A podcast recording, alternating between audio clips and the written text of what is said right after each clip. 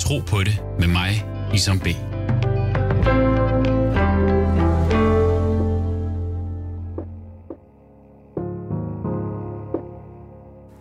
Mit navn er Isom. Jeg er mange ting. Søn, ægtemand, bror, ven, far, åben troende. Jeg tror på Gud. Hvad tror du? Gud siger i Koranen, har du ikke set, hvorledes Gud fremsætter lignelser?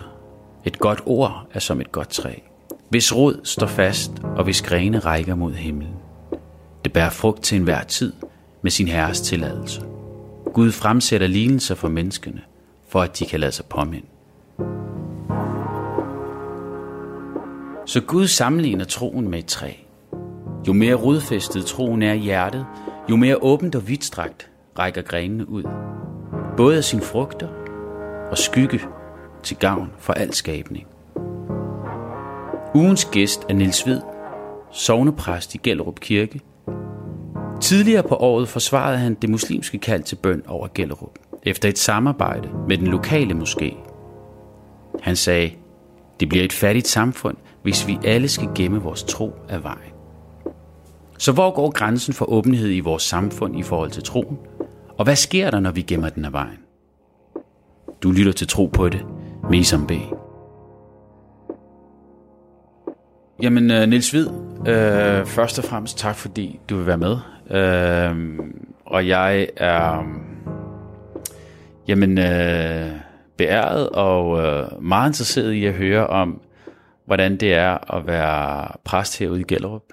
Øh, også til dels fordi, at mit, min egen baggrund, uh, som født og opvokset i øh, København. Øh, halvdelen af min barndom på Bryggen. Den ene halvdel Brøndby Strand. Og Brøndby Strand, øh, der er Brøndby Strand Centeret. Ved siden af Brøndby Strand Centeret, sjovt nok ligesom her, der lå også en kirke. Ja. Og jeg tror aldrig, jeg var inde i den kirke. Øh, så den stod der bare. Når jeg ser tilbage, synes jeg, det er lidt synd. Øh, og jeg tænker lidt, hvorfor var det sådan? Øhm, så jeg er egentlig meget interesseret i at høre, hvordan det er at være præst her i Gellerup. Øh, men lad os starte i det personlige. Fortæl mig lidt om din tro, og hvordan du oplever den i dit liv. Det er et stort spørgsmål. Øhm, min tro, jamen, det er jo noget, jeg slet ikke kan, kan leve uden eller undvære. Det er jo, og det er noget, som, som er der på en måde hele tiden som en værtrækning. Øhm, udefra set, så er der nok nogen, der vil tænke, at, at selvfølgelig skulle jeg være præst, fordi øh, da jeg altså, da jeg voksede op, så øh, er jeg vokset op i en familie, som øh, er gået i kirke, og vi har bedt aftenbøn, og salmebog og bibel har været en naturlig del af, af min opvækst, og ligesom højskolesangbogen og øh, litteratur og altså sådan øh, oplysning generelt og historie. Øh, men salmebog og bibel og, og kirkegang var en del af, af min opvækst. Og da jeg kom på gymnasiet, der var det helt tydeligt, at jeg var mega interesseret i trospørgsmål, det eksistentielle, øh, de store spørgsmål om liv og død, og også andre religioner. Og øh, jeg tror alle, mine forældre og gymnasielærer og, og alle tænkte, selvfølgelig skulle jeg læse teologi og være præst, og det tænkte jeg slet ikke selv. Øh, og det tog lang tid egentlig, og jeg kæmpede imod, og jeg ville læse musik i stedet for, og da jeg så alligevel begyndte at læse teologi, så ville jeg det slet ikke, og gik og sagde til alt og alle, at det, jeg er her kun midlertidigt, og så endte det med, at jeg læste i otte år, og, og fælden var ligesom klappet, og jeg skulle bestemt ikke være præst, og det sagde jeg til alt og alle, og så blev jeg højskolelærer. Øh, på øh, Diakonhøjskolen en mellemlang videregående socialpædagogisk uddannelse, øh, hvor jeg underviste i, øh, i øh, forskellige teologiske fag, øh, også andre religioner. Og pludselig fandt jeg ud af, at noget af det, jeg synes, der var allermest interessant, det var at være de personlige samtaler med eleverne, også når, der var, når de havde personlige problemer, og der var trospørgsmål, der kom op, og så sad de inde på mit kontor øh, efter undervisningen, og, og snakkede og, og havde noget, der en samtale, der mindede om sjælesorg, og, og ja, så var fælden på en eller anden måde klappet. Så søgte en præst i, i Gellerup, der ville arbejde med kirkens sociale ansvar, og, øh, og ville være i den her øh, mangfoldig virkelighed. Jeg havde undervist øh, studerende fra, fra hele verden, øh, internationale udvekslingsstuderende, og, og befandt mig godt i den mangfoldighed, og, og derfor så var det så oplagt, synes jeg, at jeg skulle til Gellerup. Og så det med tro, jamen altså, det er også, altså grunden til, at jeg ikke, at jeg ikke vil læse teologi, og at jeg ikke vil være præst, øh, altså noget af det var også, at jeg jo også kæmpede indad til, øh, så for mig var det slet ikke lige så, lige så oplagt. Øh, og jeg synes indimellem, at Gud var frustrerende og irriterende. Han svarede ikke. Han var tavs. Han viste mig ikke med lysende skrift på himlen, hvad jeg skulle gøre med mit liv, eller øh, det var bare irriterende. Øh, og jeg skældte ham ud, og jeg forsøgte at lade være med at tro på ham og snakke med ham. Og jeg opdagede egentlig bare, at, at øh, den indre samtale, min indre samtale med Gud, den stoppede ikke. Den, jeg kunne ikke stoppe den. Og jeg, og jeg fik næsten sådan en fornemmelse af, at der var noget, der holdt mig fast. Så i det der ikke-svar, der var der på en eller anden måde et svar. Jeg holder fast i dig. Øh, ja, og nu er jeg blevet præst i Gellerup, og har været her i 12 år, og, øh, og kunne slet ikke tænke mig noget andet. Fordi jeg får lov til at tale med mennesker om det vigtigste, vigtigste i deres liv, og mennesker af alle mulige, med alle mulige livsholdninger, forskellige slags tro og ikke tro, øh, muslimer og kristne og agnostikere og ateister og hinduer og og det der og, og, og så det at være i også i nogle meget følsomme livssituationer øh, og netop der dele det der er det vigtigste og det inderste i vores liv det er en gave at få lov til det. Så, og så, så øh, er jeg i en kirke og en menighed, hvor, som, også, som også gerne vil være menighed, og vil samles til gudstjenester, og vil tale om tro, og, øh, og hvor fællesskab betyder noget.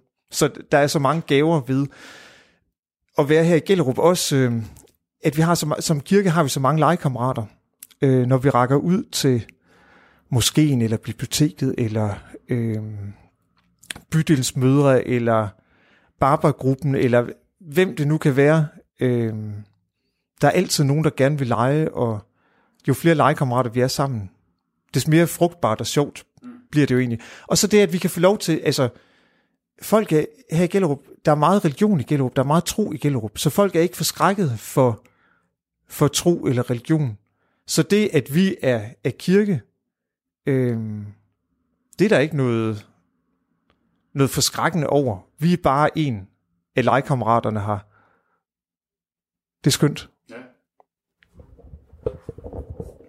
Øhm, lige tilbage til din, øh, din barndom. Øh, din forældres forhold til tro. Øh, har den været med til at inspirere dig øh, til din, øh, til dit, på din vej? Øh, Ja. Jamen, det har den helt klart. Altså, jeg tror i grunden, da, da jeg var barn, og, og da jeg var ung, der var, der var det med tro og kirke, det var mest sådan noget, måske snakkede vi ikke så meget om det, måske reflekterede vi ikke så meget over det, det var mest noget, vi egentlig bare gjorde, øh, som noget, noget dagligdags, noget, en indøvelse, eller noget, noget helt naturligt, der var en del af dagligdagen. Øhm, og så har jeg jo alligevel vel kunne se, at, at for mine forældre, der har der været et... Øh, altså for dem har, har troen også betydet et øh, engagement i samfund, og et engagement i deres medmennesker, et socialt engagement, og øh, et, et øh, udsyn til øh, den store verden, at vi er en del af noget, altså simpelthen fundamentalt det, at vi er en del af noget, der er større end os selv, af en menneskehed og en verden. Øh, og så det med at tale om tro, er nok noget, der er kommet mere til. Øh, min far blev præst, da øh, jeg var på det sidste år øh, på universitetet på teologistudiet. Da, da blev han ordineret efter, der er sådan paragraf 2, hvor man ikke skal have læst teologi, men, men hvis man er en er teologisk vidne og har beskæftiget sig med det igennem mange år, så kan man blive ordineret, og, og det blev han. Øh, så han overhalede mig lige indenom, øh, kan man sige, og øh, de læser mange teologiske bøger, mine forældre, og, øh, og så ringer de altid og, og skal, lige, skal lige drøfte, og, og det er de nyeste, de læser, jeg når ikke at læse dem i samme tempo, som, som de gør, og, øh, og så skal de lige drøfte, hvad det er, de har læst, og, øh, og der er ikke nogen mulighed for at, at smutte af krogen og sådan lige glide af og sige, det, øh, det, det har jeg ikke lige nogen holdning til. Altså, de holder mig fast på, og jeg, jeg bliver nødt til at forholde mig til det. Så det er mega inspirerende. Nogle gange så læser de også, altså, hvad skal man sige, progressive teologer, der, og noget, der er mere, altså, noget med lidt kant, og noget, der er lidt mere provokerende end, end øh, sådan mainstream, og, og så bliver jeg nødt til at forholde mig til det. Øh, så nogle gange skubber de mig også sådan lidt ud over, ud over min komfortzone, og ja, for, for mig igen til at forholde, forholde mig til, øh, til de store spørgsmål på, på nye måder. Jo, så, så der har været meget inspiration, klart. Hvordan har de det med, at øh, du er, at din kirke er her i Gellerup, og øh, er de nysgerrige i forhold til mødet med naboerne her? Jamen, de er mega nysgerrige, og, øh, og man kan sige, ja, min, min far arbejdede mange år i øh, forskellige folkekirkelige missionsselskaber, øh, som har arbejdet i mest i Afrika, Tanzania, øh, hvor jeg selv også var, var volontør eller, eller uvildsfrivillig som ung, øh, og også meget i Albanien, og det var, min far blev, blev ordineret til en præstestilling i, i en lille nystartet Luthers kirke i Albanien. Øhm, så det der udsyn, og det med at være i samtale med andre mennesker af forskellige tro. Øhm, min mor underviste øh, øh indvandrere i dansk på, på VUC, og altså, der, der har hele tiden været det der, øh, været det der input udefra, eller den der samtale udenfra, udefra, og at det er vigtigt, at vi snakker med nogen, som tænker og tror noget forskelligt, end vi selv gør. Og, øh, og at vi lytter. At vi ikke, at vi ikke, øh, at det ikke er en monoton øh, ene tale, der kommer fra os selv, så det bliver vi jo ikke klogere af. Øh, men det at være i en, en fælles samtale, at vi lytter, lytter til hinanden og undrer os sammen. Ja. Så, øh, så de er mega nysgerrige på Gellerup, og, og øh, altså på en eller anden måde, så er det, det er næsten lidt for oplagt, at jeg skulle være her, men det skal jeg, og jeg kan ikke finde på noget, der, der er sjovere eller mere udfordrende. Jamen, øh, hvordan er det så at arbejde som kristen præst i et område med, med mange muslimer? Det er skønt. Altså igen, så jamen jeg tænker egentlig, jo selvfølgelig er der, der er mange muslimer, og jeg taler med mange muslimer i min dagligdag, og, og selvfølgelig så er jeg jo, jeg ved ikke om jeg kan sige, at jeg er først og fremmest præst for en, en øh, kristen menighed. Altså jeg tænker, jeg, jeg er jo præst i det her område, og, øh, og det er den givende virkelighed, og den må jeg forholde mig til, så jeg snakker med dem, der gerne vil snakke med mig. Og øh, jeg er jo selvfølgelig præst øh, for, for den kristne menighed her, og holder gudstjenester, og sælgesov, samtaler, begravelser, konfirmandundervisning og alt, hvad der hører til øh, i den almindelige kirkelige hverdag. Øh, og så har jeg jo altså den, den, øh, det store privilegium, at jeg får lov til at tale med tro med rigtig mange forskellige slags mennesker, blandt andet mange muslimer, og nogle af dem, som vi har en rigtig, rigtig god relation til, det er, det er Fredens Moské, som jo også er en af de, hvad skal man sige, religiøse aktører, eller en af de religiøse legekammerater. Vi har forskellige slags legekammerater. Nogle er, er sekulære og hører til i, i sådan det almindelige sekulære danske samfund, skoler og institutioner og biblioteket og sådan noget. Og, og måske er, er en af de religiøse aktører. Øhm, den åbenhed for at tale sammen, det mod til at, øh, at være sammen, også når vi er uenige, også når det, når det godt kan gøre en lille smule ondt, eller når vi bliver udfordret af, af det omgivende samfund, altså øh, den vilje til, at vi skal holde sammen. Vi skal fortsætte samtalen.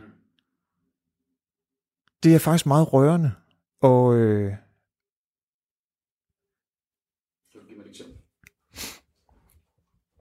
et eksempel. Mm. Jamen simpelthen den, den øh, det er rørende, når, når nysgerrigheden, når, vi, når jeg oplever, at nysgerrigheden går, går begge veje, at vi er rigtig interesseret i hinanden.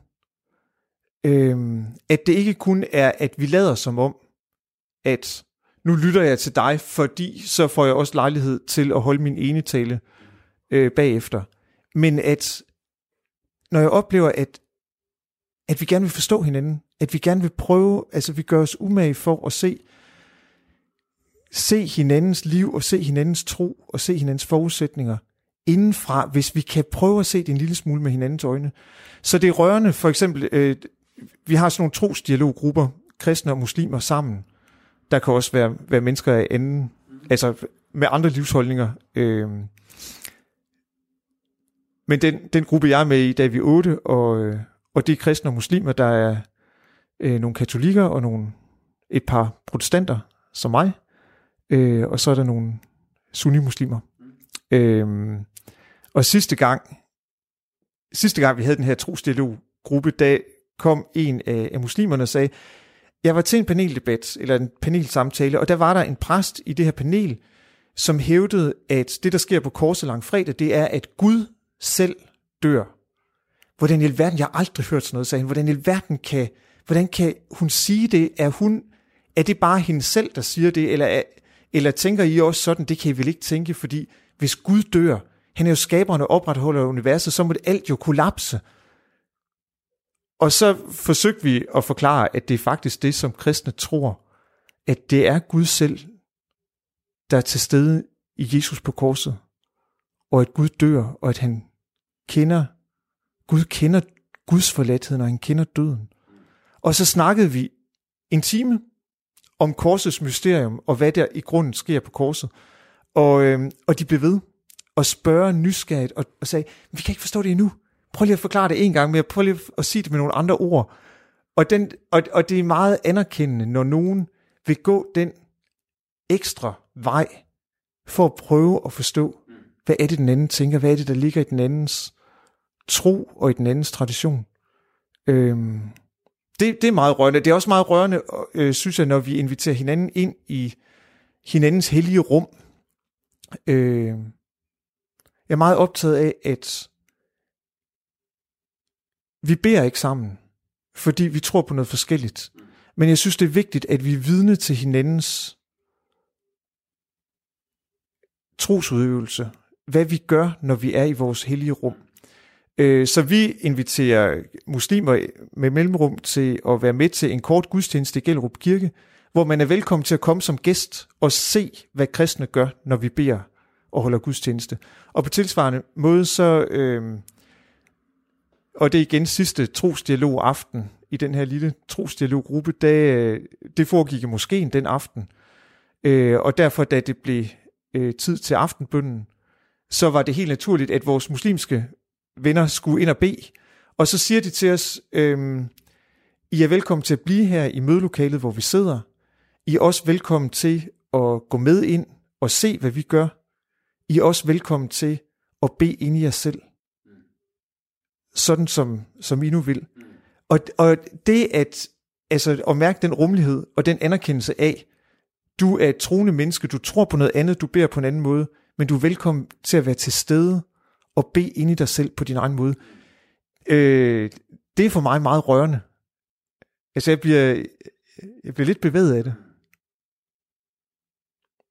Så da vi var færdige med bønden, så øh, står vi i en gruppe og snakker sammen, og øh, imamen er der, han er med i øh, trosdialoggruppen, og, og der kommer sådan en, en flok og står rundt om, om imamen og hyggesnakker lidt efter bønden, og, og vi er med, nogle af os. Og så på et tidspunkt, så er der en af de kristne i, i gruppen, der klasker imamen på ryggen og siger, så nu skal vi ind og omvende hinanden. Og jeg bliver sådan helt forskrækket, og, og, og siger, nej, det skal vi da ikke. Og så kigger han på mig, øh, min kristne kammerat der, og så siger han, Nils, hvis imamen ikke går ind nu og gør alt, hvad han kan for at, for at prøve at overbevise mig om, at islam det er sandheden, så tager han mig da ikke alvorligt. Og lidt det samme, når min, min ven, ven imamen siger til mig, øh, det har han sagt mange gange, Nils, prøv nu at forestille dig, at vi går ud af en vej sammen. Øh, og så pludselig så drejer vejen, så er der en, en gren af vejen, der drejer til højre, og en gren, der fortsætter lige ud. Og så siger du til mig, nu øh, drejer jeg fra her til højre, jeg skal den her vej, fordi jeg tror, den fører et godt sted hen. Øh, men du kan da bare fortsætte lige ud, hvis, hvis du vil det. Jeg ved ikke, hvor den vej fører hen. Og så siger imamen til mig, Nils, hvis du tror, at det er den vej til højre, der fører til det gode sted, så skal du da sige det til mig. Ellers så er vi da ikke venner. Hvad er det så for et venskab? Øhm, og det, jeg tror, han synes, jeg er lidt blødsøden, fordi altså, jeg, altså, for mig er det meget principielt. Jeg, jeg vil ikke tage Guds dom i min mund. Dommen hører til hos Gud. Øh, jeg er blevet vist en vej, og det er Jesus Kristus. Øh, jeg tror også, og det, det står i Bibelen, at, at Gud ønsker, at alle mennesker skal frelses. Og, og, og, og hvilke veje Gud har øh, til at føre sin, sin vilje igennem, og sit, sin, sin drøm igennem, det kan jeg jo ikke vide. Der må min horisont ligesom stoppe, men, men jeg er blevet vist en vej, og den må jeg gå, og jeg inviterer gerne andre med. Øh, men det, det ligger altså ikke til mig at fordømme andre mennesker til helvede. Selvom, også selvom, at, at imamen egentlig synes, at det var bedre, hvis, hvis jeg var lidt mere klar i spyttet og sagde, kom så, mm. nu går vi til højre. Jamen, dem har man jo også. Øh, både inden for ja, alle de forskellige slags trosamfund og, og menigheder, der er derude. Øh, hvad hedder det? Så det ligger også noget, det er også noget med ens karakter og ens øh, måde at være med andre mennesker på, som, som tror forskelligt. Øh, det er i hvert fald min erfaring. Øh, men vigtigheden, synes jeg, som jeg hører i det, du siger, det er at kunne mødes og tale sammen, oplyse hinanden, og måske vigtigst af alt, lære hinanden at kende yeah. som mennesker. Yeah. Øh, for derfra at kunne respektere hinanden. Øh, fordi det der med at omvende hinanden, jeg tror på, at alt sker efter Guds vilje. Og hjertet, det er Guds domæne. Mm. Um, noget, som går igen i profeternes Guds fred være med dem alle, i deres historier. De har jo også en frustration over, at de kommer med sandheden mm. og oplyser folk. Mm. Men ikke alle lytter. Mm. Uh, og den frustration vender de sig jo også til Gud. Mm. Uh, um, og Gud minder dem igen og igen om, alle sammen, du er sendt som et sendebud, det er dit job. Mm. Det er ikke dig, der er herre over hjerterne. Mm. Præcis. Overlad det til mig. Ja. Ikke? Øh, men selvfølgelig er det frustrerende. Mm. Øh, og for nogle er det en sport, og se hvor mange vi kan omvende. Ikke? Men det er bare ikke sådan, det fungerer. Fra min kristne synsvinkel, altså jeg er fuldstændig enig også med, med øh, profeterne og øh, profeten Isaias, der taler om netop om hjertet, det, det bevægelige kødhjerte, der kan tage imod Guds ord. Øhm, og som kristen, der tror jeg på heligånden, og, og jeg plejer at sige, jeg omvender ikke nogen. Jeg kan fortælle, hvad jeg tænker og tror, og hvad der giver den dybeste glæde og mening i mit liv. Men hvis, altså, så, må, så må det være op til heligånden. Det er heligånden, der bevæger hjerterne. Jeg tror, at Gud er til stede gennem sin ånd. Så så omvendelse, hvis, hvis omvendelse finder sted, så må det være heligåndens gerning. Det er min, som kristen, min, min tanke. Du lytter til Tro på det med mig, Isam B. Har det givet dig håb i forhold til sameksistens? Altså når jeg er i samtale med, med mennesker her i Gellerup, så øh, bliver jeg fyldt af håb, fordi, altså netop som du siger, øh, udgangspunktet for mig er, at vi må have kendskab til hinanden. Kendskab og venskab rimer jo på hinanden, og, og jeg oplever også, at der opstår venskaber, når vi mødes igennem lang tid, og når vi opbygger en fortrolighed og en tillid til hinanden. Et, nogle, noget, som er, er kerneanlæggende for mig, er, at, at ærlighed og, og tillid hænger sammen. Hvis vi tør at være ærlige over for hinanden, og sige, hvad vi faktisk tænker og tror, så er det det bedste udgangspunkt for, at vi kan, vi kan have tillid til hinanden. Øhm, og jeg møder mennesker her i Gellerup, som, hvor jeg tænker, hvis lokummet brænder, så, så har jeg nogen, jeg kan ringe til. Øhm, og også nu her i, i coronatiden har jeg altså været i nogle dage næsten daglig kontakt med, med Fredens Moské, som vi har delt en bekymring for vores område, og altså, det er jo et, et øh, ja, socialt belastet område. Mennesker, menneskers gennemsnitlige levetid er 10 år lavere i Gellerup mm. end i resten af Danmark.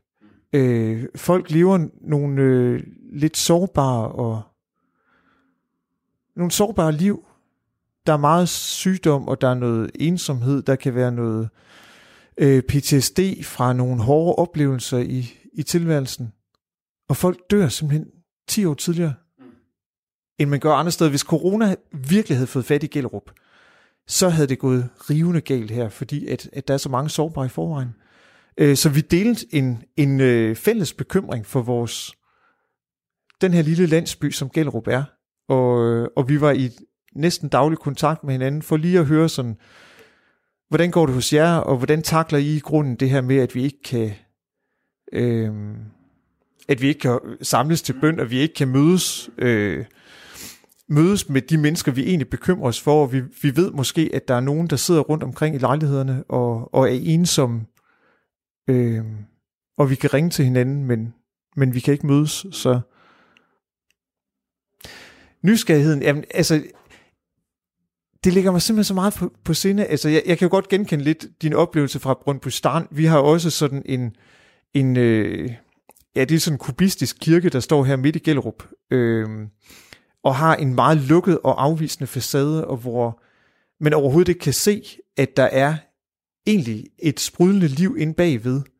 Øh, at vi holder internationale aftener med 100 gæster, og at vi har de her små trosdialoggrupper, at vi faktisk har en levende menighed, der øh, mødes til gudstjeneste, når, vi ellers, når der ellers ikke er coronatid. Øh, nu begynder vi så småt igen. Øh, at fællesskab er meget i centrum. At der er en masse, som lægger et frivilligt stykke arbejde i kirken. Øhm, så vi drømmer om, også fysisk på en eller anden måde, at kunne åbne vores, vores lukkede kirke. Vi kan jo se hver eneste gang, at vi øh, har kirkedøren stående åben, så øh, kommer der nogen listen hen til kirkedøren og siger, undskyld, jeg ved ikke om sådan en som mig må komme ind i en kirke, jeg har aldrig været, har været i en kirke før.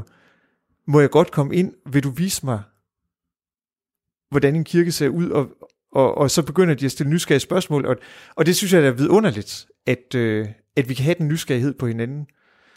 Derfor så tænker jeg også, at altså, jeg vil rigtig gerne, at vi, vi kan invitere vores børn og unge ind, at, øh, at skoler og institutioner heldigvis har de mod til, nogle gange skal det lidt mod til, øh, de skal selvfølgelig spørge forældrene på forhånd, og, øh, men det er vigtigt, at, at børnene kommer med herhen og ser, hvad er i grunden en kirke? Hvad er det i grunden, de tror på, de kristne? Der sker noget. Altså også det der med igen at være vidne til en andens tro. Øh, en af de, det var en, øh, en julemiddag for, en dialog julemiddag for kristne og muslimer sammen. Øh, vi holdt her i kirken, og vi starter med en, en gudstjeneste, en lille kort gudstjeneste. Og så er det vigtigt for mig, at når vi holder de gudstjenester, at så viser vi ærligt, hvem vi er. Vi kunne godt holde en skabelsesgudstjeneste og bede bønder og synge salmer, som både muslimer og kristne kunne lægge deres hjerte i og være enige om sådan set. Og jeg tænker, når, når vi skal vise muslimer, hvem vi er, så skal vi vise, at så er det kristologiske gudstjenester, hvor vi, hvor vi læser julens tekster, for eksempel om Jesus som Guds søn. Øhm, det er der ærlighed i. Ja, vi havde den her gudstjeneste, og øhm, vi kommer nedenunder bagefter, og sidder og spiser sammen, så er der en ung mand, en ung muslimsk mand, der sidder ved siden af mig, og så siger han øh, i begyndelsen af, af middagen, nej, hvor var det smukt op i kirken. Altså det der orgelmusik, det var sådan stille og roligt og blødt, og, og, jeg, og, og jeg sagde bare sådan, ja ja, og så snakkede jeg videre om noget, noget andet.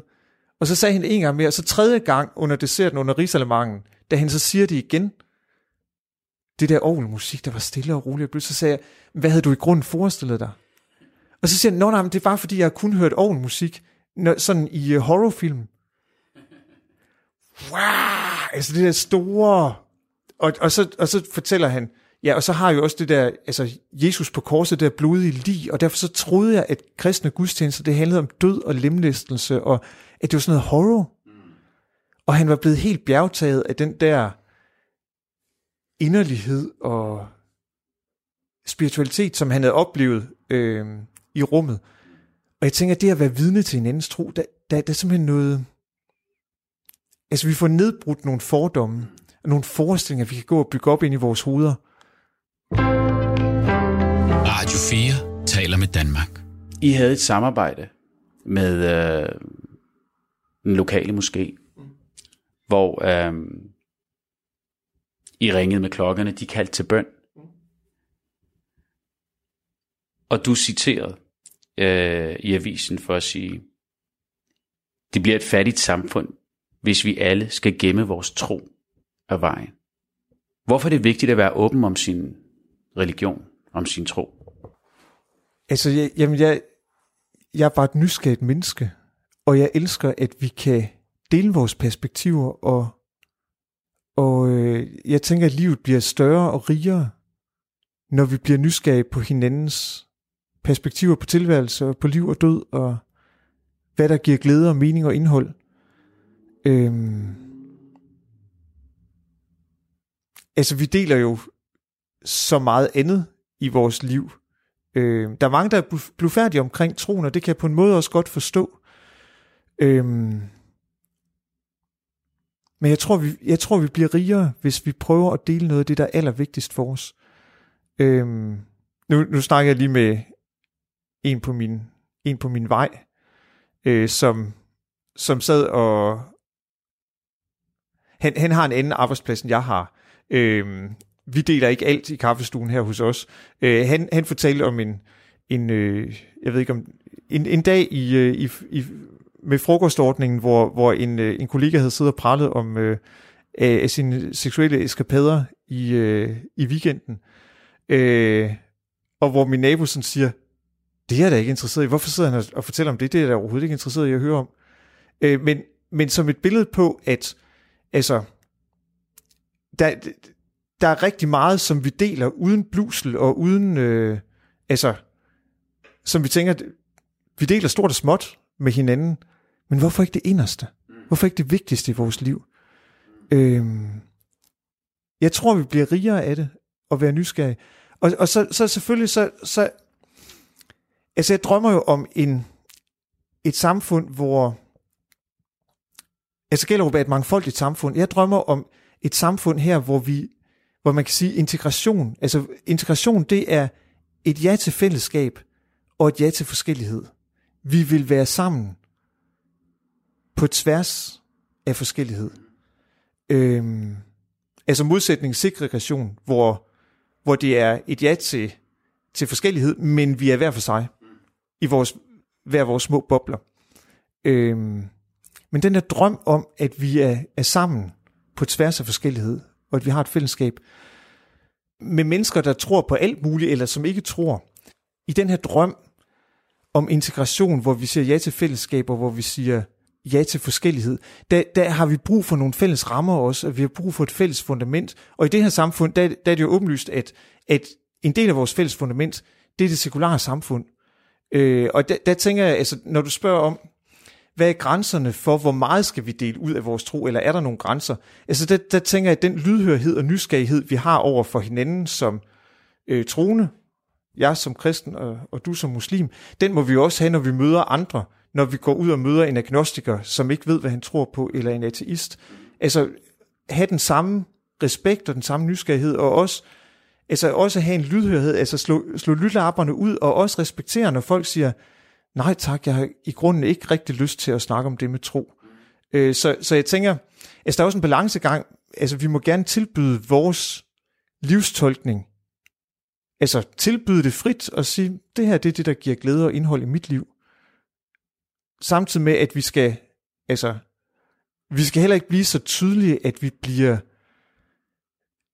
at vi, øh, at der går sport i det, og at vi, at, at vi ikke kan være nogen steder uden at, at, at larme op omkring vores tro. Altså vi må også respektere, vi, altså på den måde, der, der tror jeg, at, at en, en stille og ydmyg holdning, og at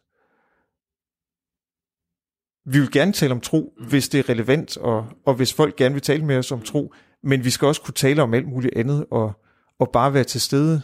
Øh, der er meget tro til stede i Gellerup, i det, også i det offentlige rum. Altså man, man kan jo se, at folk går, går klædt forskelligt. Noget er kulturelt betinget, og noget er religiøst betinget, og øh,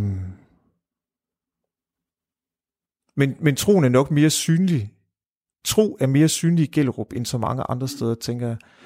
Og, og jeg møder også øh, etniske danskere, som måske begynder, altså øh, kulturkristne, øh, som, som er medlemmer af Folkekirken, men som ikke har skænket deres, deres egen tro mange tanker, men som, fordi at, at de øh, er i den her mangfoldige virkelighed, begynder at tænke lidt mere over, hvad er det grunden for nogle rødder, jeg selv har?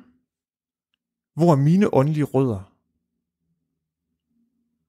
Ja, så, så øh, altså her, der tænker jeg egentlig, at, at som, som en af, øh, af mine muslimske bekendte sagde, det kunne jo være, at den her måde at være nysgerrig på hinandens liv og hinandens perspektiv og, og være sammen i forskellighed, det kunne jo være, at vi i Gellerup faktisk kunne lære resten af Danmark noget. At det her, det kunne være Gellerups gave til Danmark.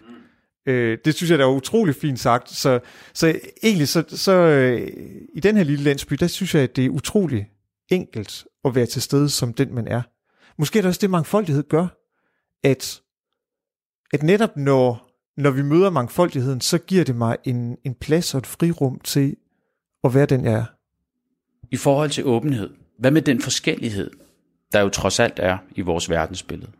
Skal den også frem i lyset? Og hvorfor? Jamen det synes jeg da i høj grad den skal. Og også der, hvor det øh, måske nogle gange kan blive kontroversielt eller gå lidt ondt. Øhm, og, og noget af det, der måske er allersværest at snakke om, det, det er netop øhm, jamen, forskellighed i verdensbilledet. Øhm, altså, og det skal vi da også turde tale om. Altså, der hvor, der hvor vores verdensbilleder på en eller anden måde tørner sammen. Øh, I virkeligheden så tænker jeg, at, at det med tro, det, øh, altså det, på en eller anden måde så oplever jeg tit, at det er enkelt at tale om, at vi er forskellige. Vi går ud fra som udgangspunkt, at vi er forskellige, når det handler om tro. Øh, når det er kristne og muslimer. Øh, så, så det, at vi har forskellige gudsbilleder, eller at vi har forskellige øh, en forskellig tro på, hvem, hvem Jesus er, og hvad Jesus betyder. At vi har øh, en forskellig praksis, trospraksis. Altså det, det tager vi for givet, men, men lige pludselig så kan det blive sådan lidt mere, altså spids lidt mere til, hvis, hvis, hvis det er andre områder øh, i vores fælles drøm om, hvad det er for et samfund, vi gerne vi ønsker os at skabe. Øh, hvis jeg hører nogle unge, som øh, problematiserer demokratiet, som for mig er fundamentet, øh, og der kan der godt være, øh, altså der kan være mange årsager til, hvorfor, hvorfor en, øh, en ung, som måske føler sig presset mange steder fra i det danske samfund, øh, lige udtaler sig på den ene eller den anden måde, men, øh, men jeg har hørt unge øh, i Gellerup, uden at, at jeg på nogen måde vil generalisere, men der kan godt være en ung, der siger, ja ja, men altså nogle gang vi, øh, vi muslimer bliver flest i Danmark, så, så stemmer vi sharia ind af demokratisk vej, så jeg går der ind for demokrati ind til, øh, ja, det tænker jeg ikke, det er main, mainstream øh, holdningen her blandt, blandt mine muslimske naboer. Øh, men, men sådan noget, det kan jeg blive enormt provokeret af, fordi jeg går ud fra, at, at det demokratiske samfund og ytringsfrihed og trosfrihed og øh, øh, ja, at, at det kvinders ligestilling og sådan noget, at, at det er det fælles fundament, som vi står på, og, og den ramme inden for, for hvilket at vi kan give hinanden et frirum til at være dem, vi er. Ja, så de kontroversielle ting, selvfølgelig skal vi tale om dem, ja, ja. Øh, og ikke undvige dem, når vi møder dem. Jamen, uh, Niels, det er godt at høre, at du er ude på gaden, og du hører, hvad der sker. Øh, det kan jeg godt lide. Øh, jeg leder jo i dette program efter det, vi har til fælles. Øh, tror du ikke også, at det kan grave grøfter, hvis vi begynder at udpege vores uenigheder?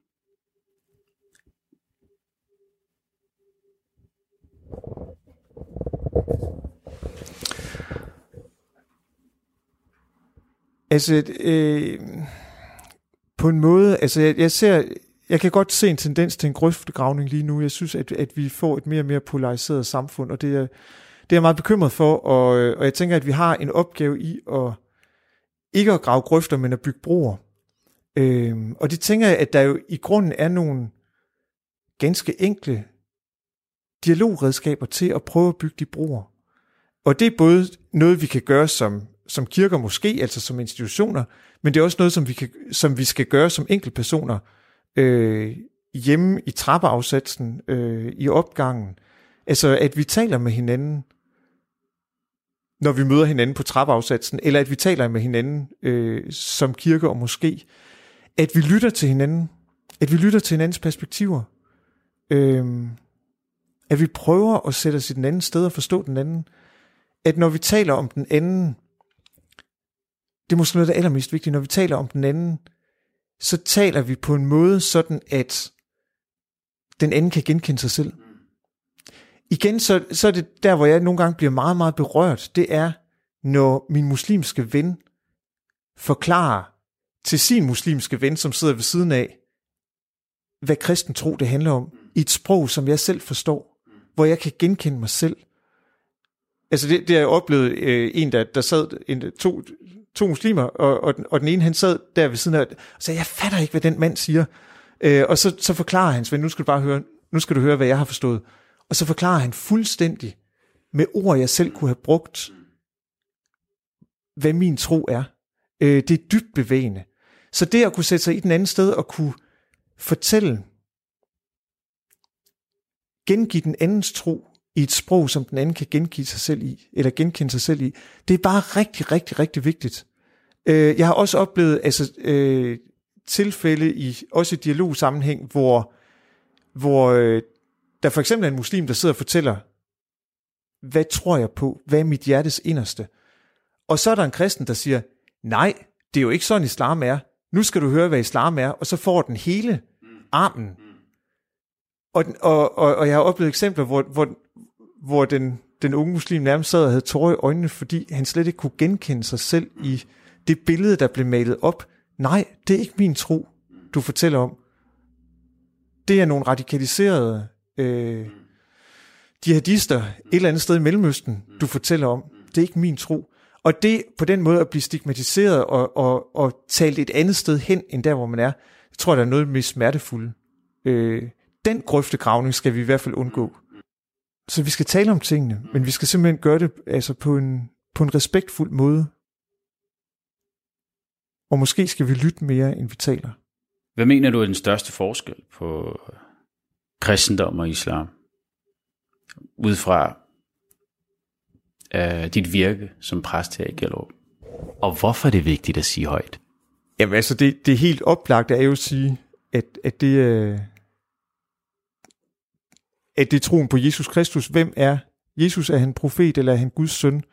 Er han et eksempel til efterfølgelse, eller er han en frelser?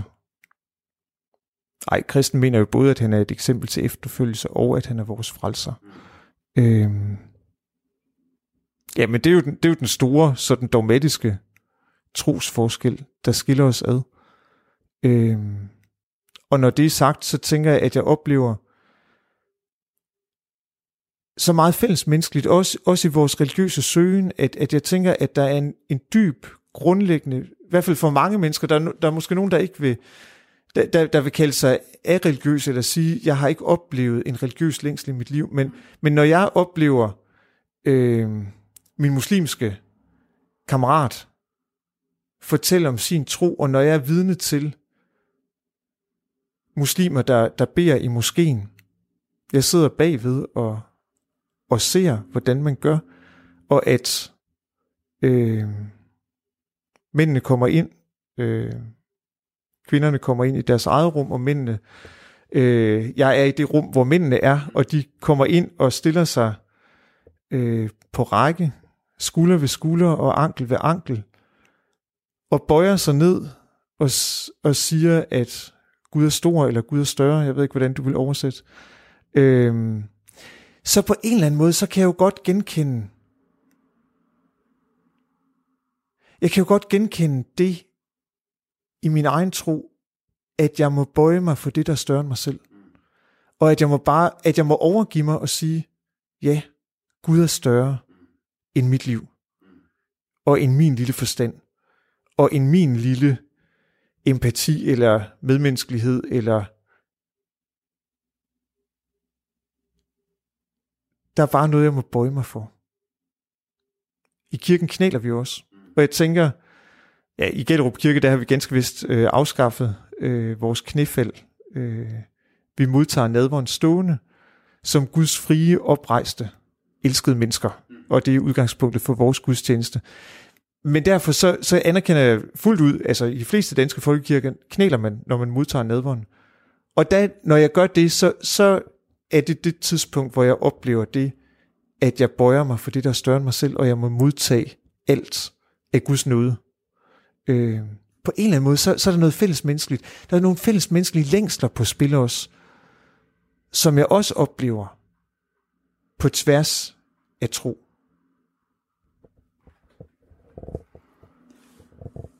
Jeg bliver nysgerrig. Har du nogensinde slået panden mod gulvet? Ikke slået panden mod gulvet, men som Jesus også gjorde det. Er det nogensinde... Øh, altså, jeg altid synes, det var, det var sjovt at se nogen løbe en maraton. For når man har løbet de der 42,1 eller andet kilometer, så det første, man gør, det er at slå panden mod gulvet. Og bare, altså, og du har givet alt.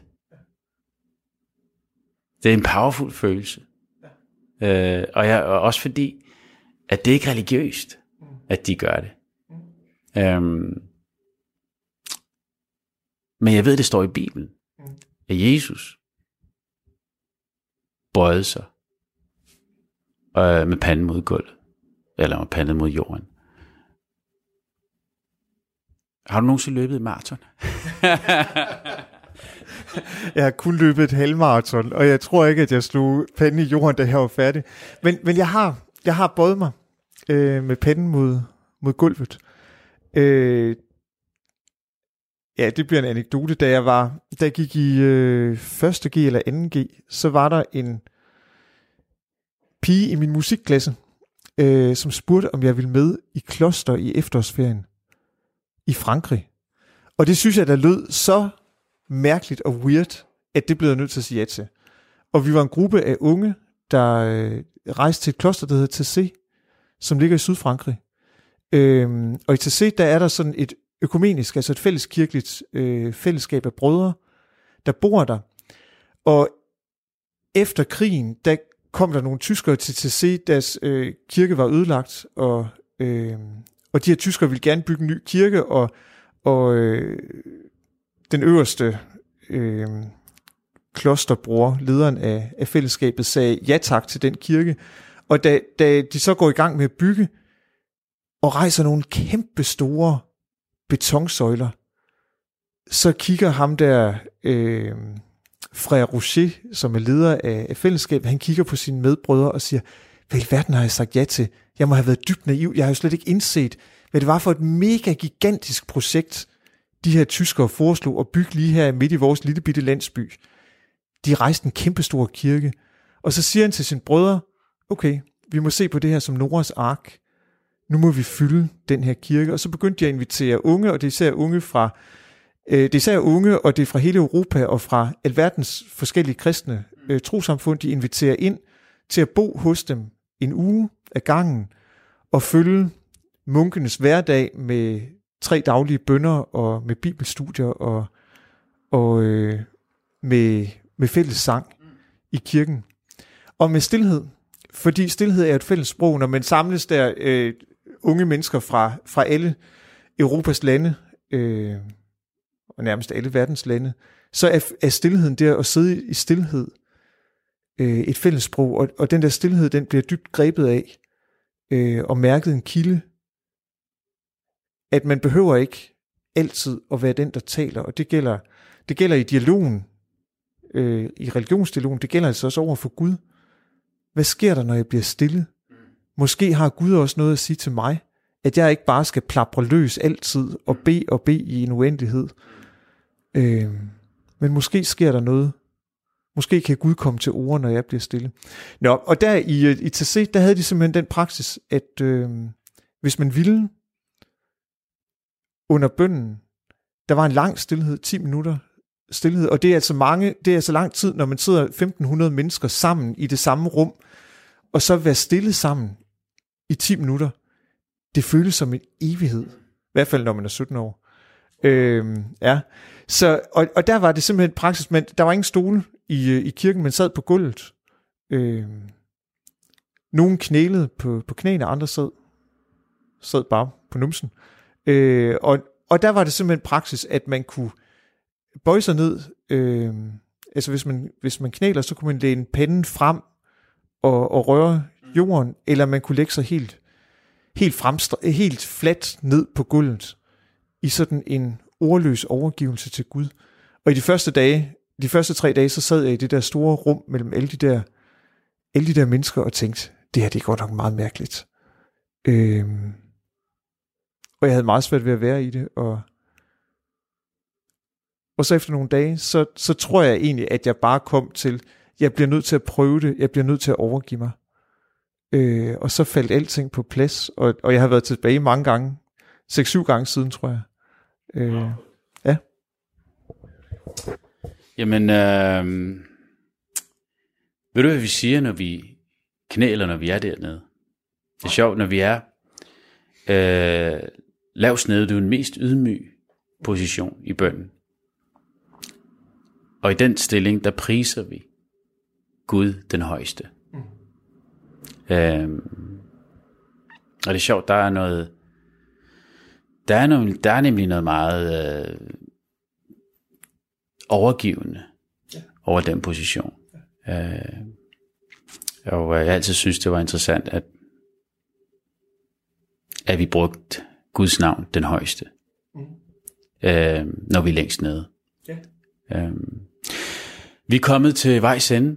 Øh, Nils Hvid, det har været en meget inspirerende samtale, og øh, jeg plejer jo at slutte af med lysets bøn, og jeg synes, at øh, I gør et øh, fantastisk stykke arbejde her med både at oplyse øh, øh, de lokale, øh, men sandelig også, øh, også rundt omkring i det danske land, øh, om jeres arbejde øh, og jeres forhold til jeres naboer. Øhm. Og jeg slutter af med min afsluttende bøn, som lyder, Gud, læg lys i vores hjerter, læg lys i vores sjæl, tænd for os lys i vores grave, forøg lyset i os, giv os lys på lys. Amen.